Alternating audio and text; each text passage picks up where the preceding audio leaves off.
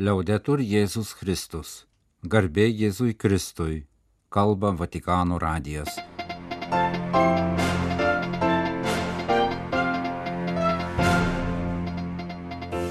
Malonus klausytojai šioje antradienio rugsėjo 26-osios programoje popiežiaus užuojauta tragedijos Benine aukoms. Apie naują popiežiaus dokumentą Laudate Dėjum paskelbtos pasaulinių jaunimo dienų vietinėse bažnyčiose temos - Lvive pašventinti motinų ir vaikų namai. Kardinolo Kristofo Šenborno mintys apie būsimą sinodą. Seniausia bažnyčia Belgijoje paminėjo 1200 metų jubiliejų. Popiežius Pranciškus telegramoje perdavė užuojautą nelaimės Benine aukų artimiesiems, dalindamasis jų gedulų ir linkėdamas kuo greičiau išgyti sužeistiesiems. Kaip pranešė Benino spauda rugsėjo 23-ąją, prie vandenyno pakrantės esančio Podjį miesto kvartale Krake Plež, visai netoli sienos su Nigerija degalų sandėlyje, kuris taip pat tarnavo kaip prekybos benzinu centras įvyko gaisras, kuris nusinešė 34 arba 35 žmonių gyvybės, tarp jų vieno vaiko, taip pat sužalojo tuziną kitų. Porto Novo, regiono sostinės miesto, vyskupai Aristidoj Gonzalo, kurio viskupijon patenka ir nelaimės vieta, popiežius užtikrino savo maldą už žuvusius, savo artumą sužeistiems ugnies ir visiems sukristiems bei paliestiems nelaimės. Liaudatė dėjum.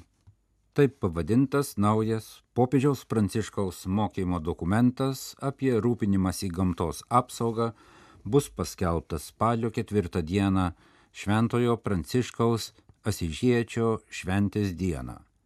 Apie naujojo dokumento apaštališkojo paraginimo laudate Deum, kuris bus 2015 metais paskelbtos enciklikos laudato sytesinys pavadinimą, pranešė pats popiežius ketvirtadienį rugsėjo 21 dieną audiencijoje Lotynų Amerikos universitetų rektoriams.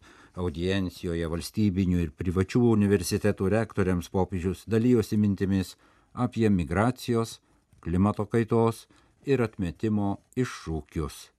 Apie 200 Lotynų Amerikos ir Karibų aukštųjų mokyklų ir Šventojo sosto institucijų vadovų dalyvavo dviejų dienų suvažiavime Romoje tema Vilties organizavimas. Suvažiavimą surengė rūpinimosi bendrais namais universitetų tinklas RUK ir popiežiškoji Lotynų Amerikos komisija. Pranciškus akademikams kalbėjo apie atmetimo kultūros, panaudok ir išmesk žalą ir ugdymo institucijų pareigą dėkti žinias, kaip panaudoti išlikusius daiktus, juos perdaryti ir perkeisti jų bendro naudojimo tvarką. Anot popiežiaus atmetimo kultūra taip pat turi pasiekmių gamtai. Pranciškus ragino skubiai grįžti prie teisingo naudojimosi gamtos turtais. Šiandien žmonija pavargo nuo netinkamo gamtos naudojimo ir turi atsigręžti į teisingą gamtos naudojimo kelią.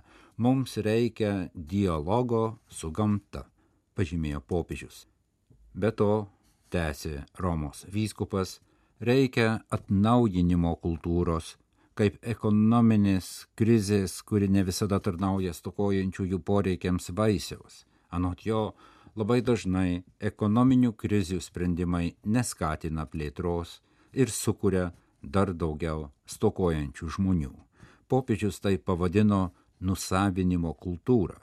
Visi turime teisę į naudojimąsi gamtos turtais ir tvarkymą, kad ji auktų ir tarnautų bendram gėriui atmestus žmonės, vyrus ir moteris, ištisas tautas paliekame gatvėje kaip šiukšlės.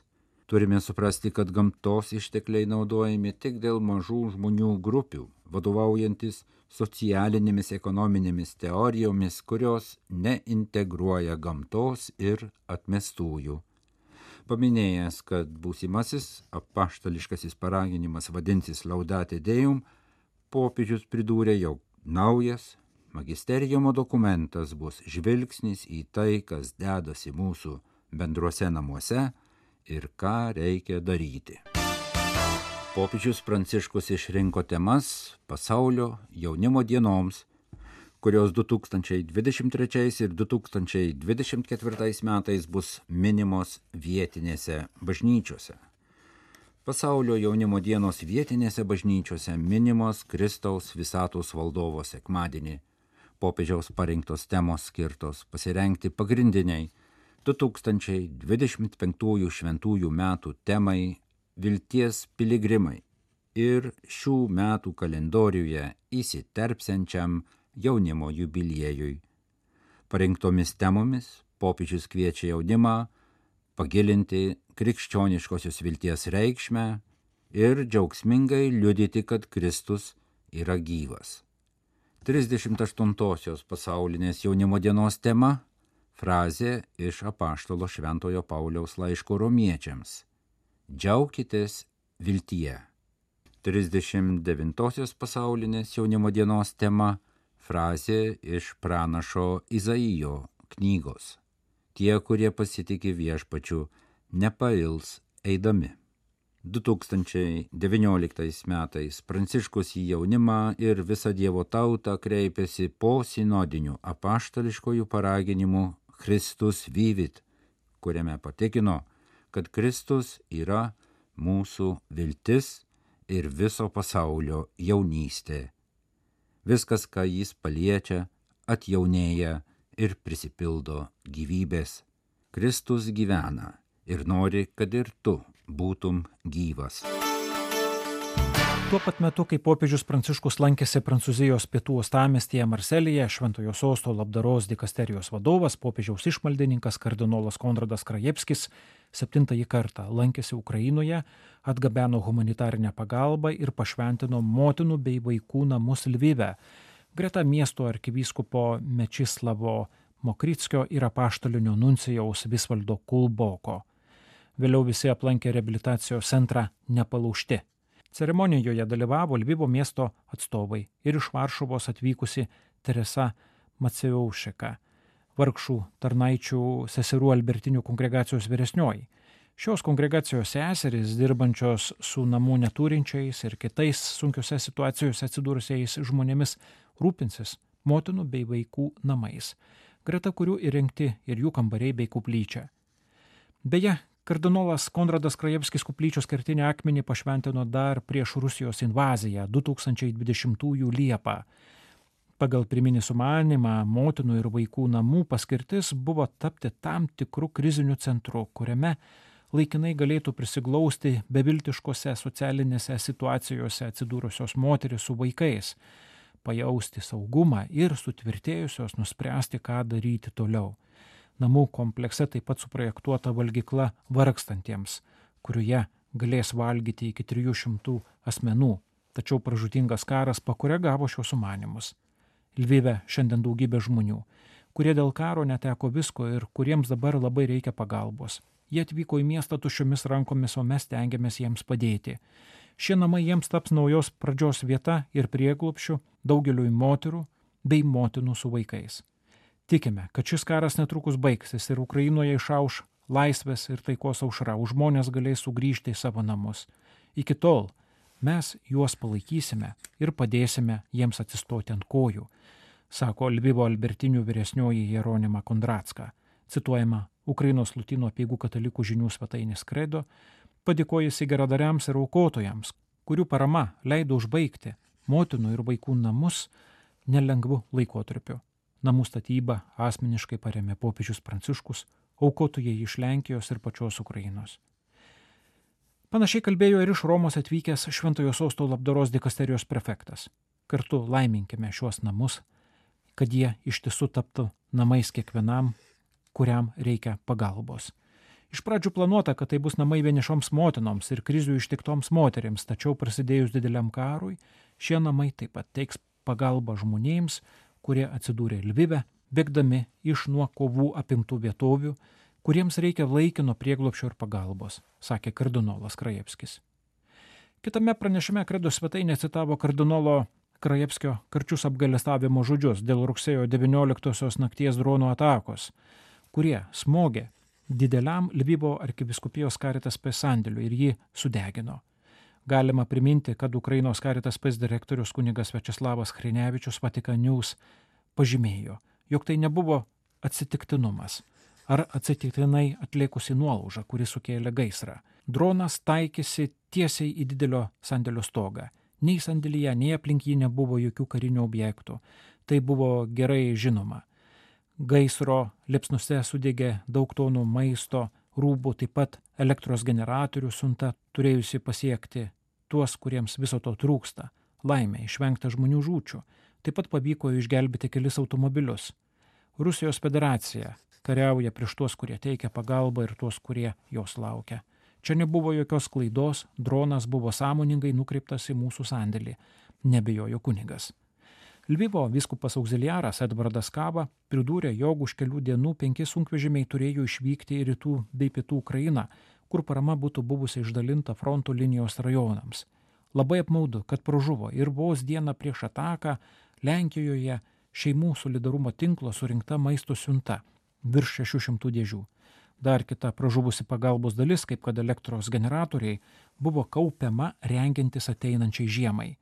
Pasak vyskupo atsakingo už humanitarinės paramos paskirstimą, Karitas PES šiuo sandėliu suteiktų vienos bendrovės naudojusi apie pusantrų metų. Per tą laiką čia atvyko ir išvyko daugiau nei 1200 sunkvežimių įvairios pagalbos. Kaip informuoja Lvyvo Lutino apieigų arkiviskupija, kardinolas Konradas Krajevskis yra paštalinis nuncijus arkiviskupas Visvaldas Kulbokas, lydimi Lvyvo arkiviskupo, aplankė mieste esantį reabilitacijos centrą nepalaužiami, kuriame slaugomi sunkiai sužaloti kariai, civiliai, o viena centro dalis skirta vaikams.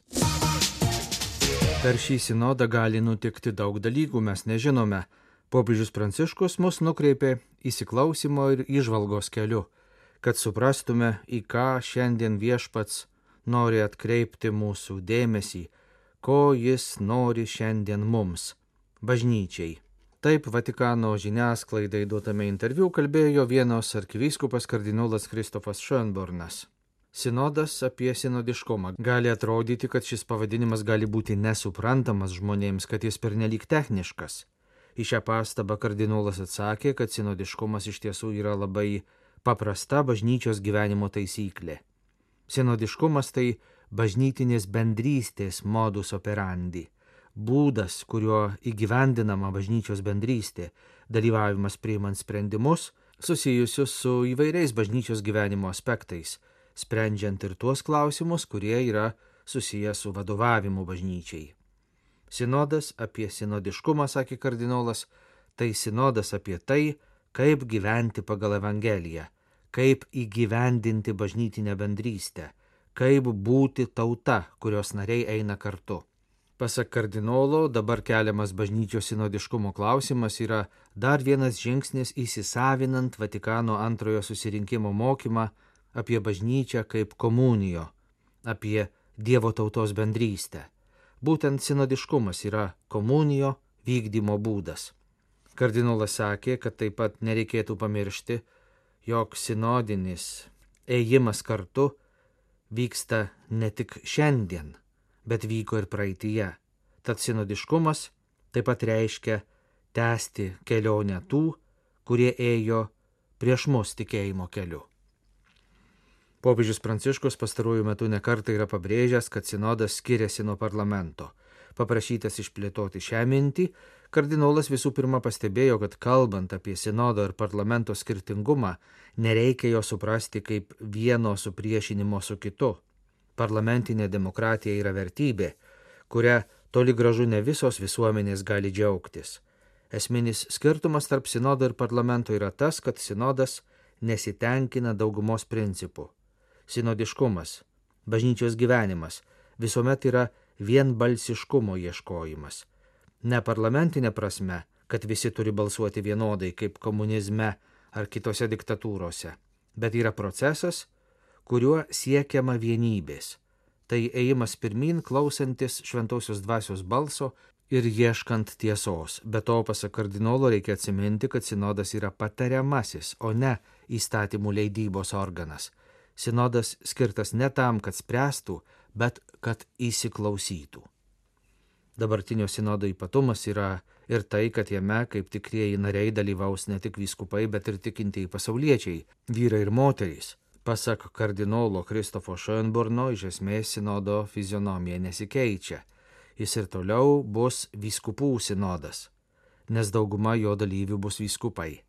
Tačiau pasauliečių tikinčių dalyvavimas tikrai svarbus, kad būtų labiau pabrėžtas tas esminis įsiklausimo momentas, kad pagerėtų jo kokybė. Kardinolas sakė, kad jis pats yra daug kartų dalyvavęs viskupų sinodo asamblėjose, kuriuose pasauliečiai vyrai ir moterys dalyvavo kaip ekspertai arba stebėtojai. Jų pastabos ir tuomet darė didelę įtaką darbui. Šį kartą žengiamas dar vienas žingsnis - įtraukiant pasauliečius ir į balsavimą. Šiuo atveju balsavimas išreiškia sensus fidelium - tikinčiųjų jauseną, Dievo tautos lūkesčius kurie kartu su visais sinodo darbo rezultatais galiausiai bus perduodami popiežiui kad jis juos toliau svarstytų. Frankų imperijos. Tokios svarbios visos Europos istorijai valdovai - Karolis Martelis, Pipinas Trumpasis ir žinoma Karolis Didysis - yra girdėti, taip pat matyti filmuose, bet tuo pat metu atrodo, kad tai jau seniai išnykusios epochos vardai. Ir vis dėlto tebėra išlikusių istorinių šios epochos ženklų.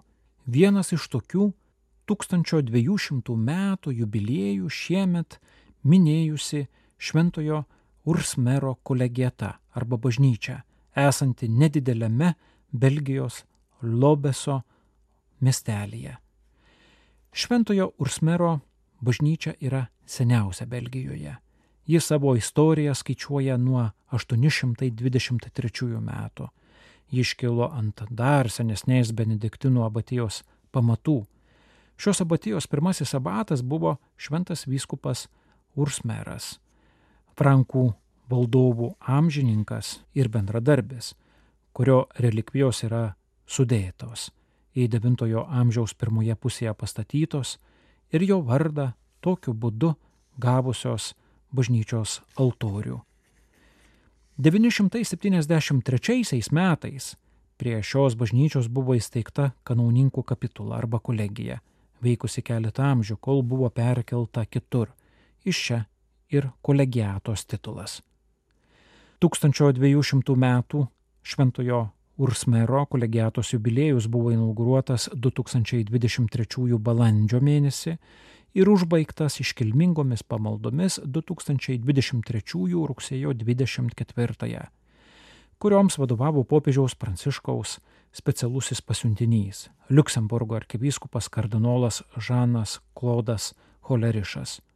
Balandžio, gegužės mėnesiais bažnyčioje eksponuota paroda apie šventąjį Ursmerą, kuris žinomas ne vien pačiame Lobeso miestelėje, bet ir kitose Valonijos regionų vietovėse.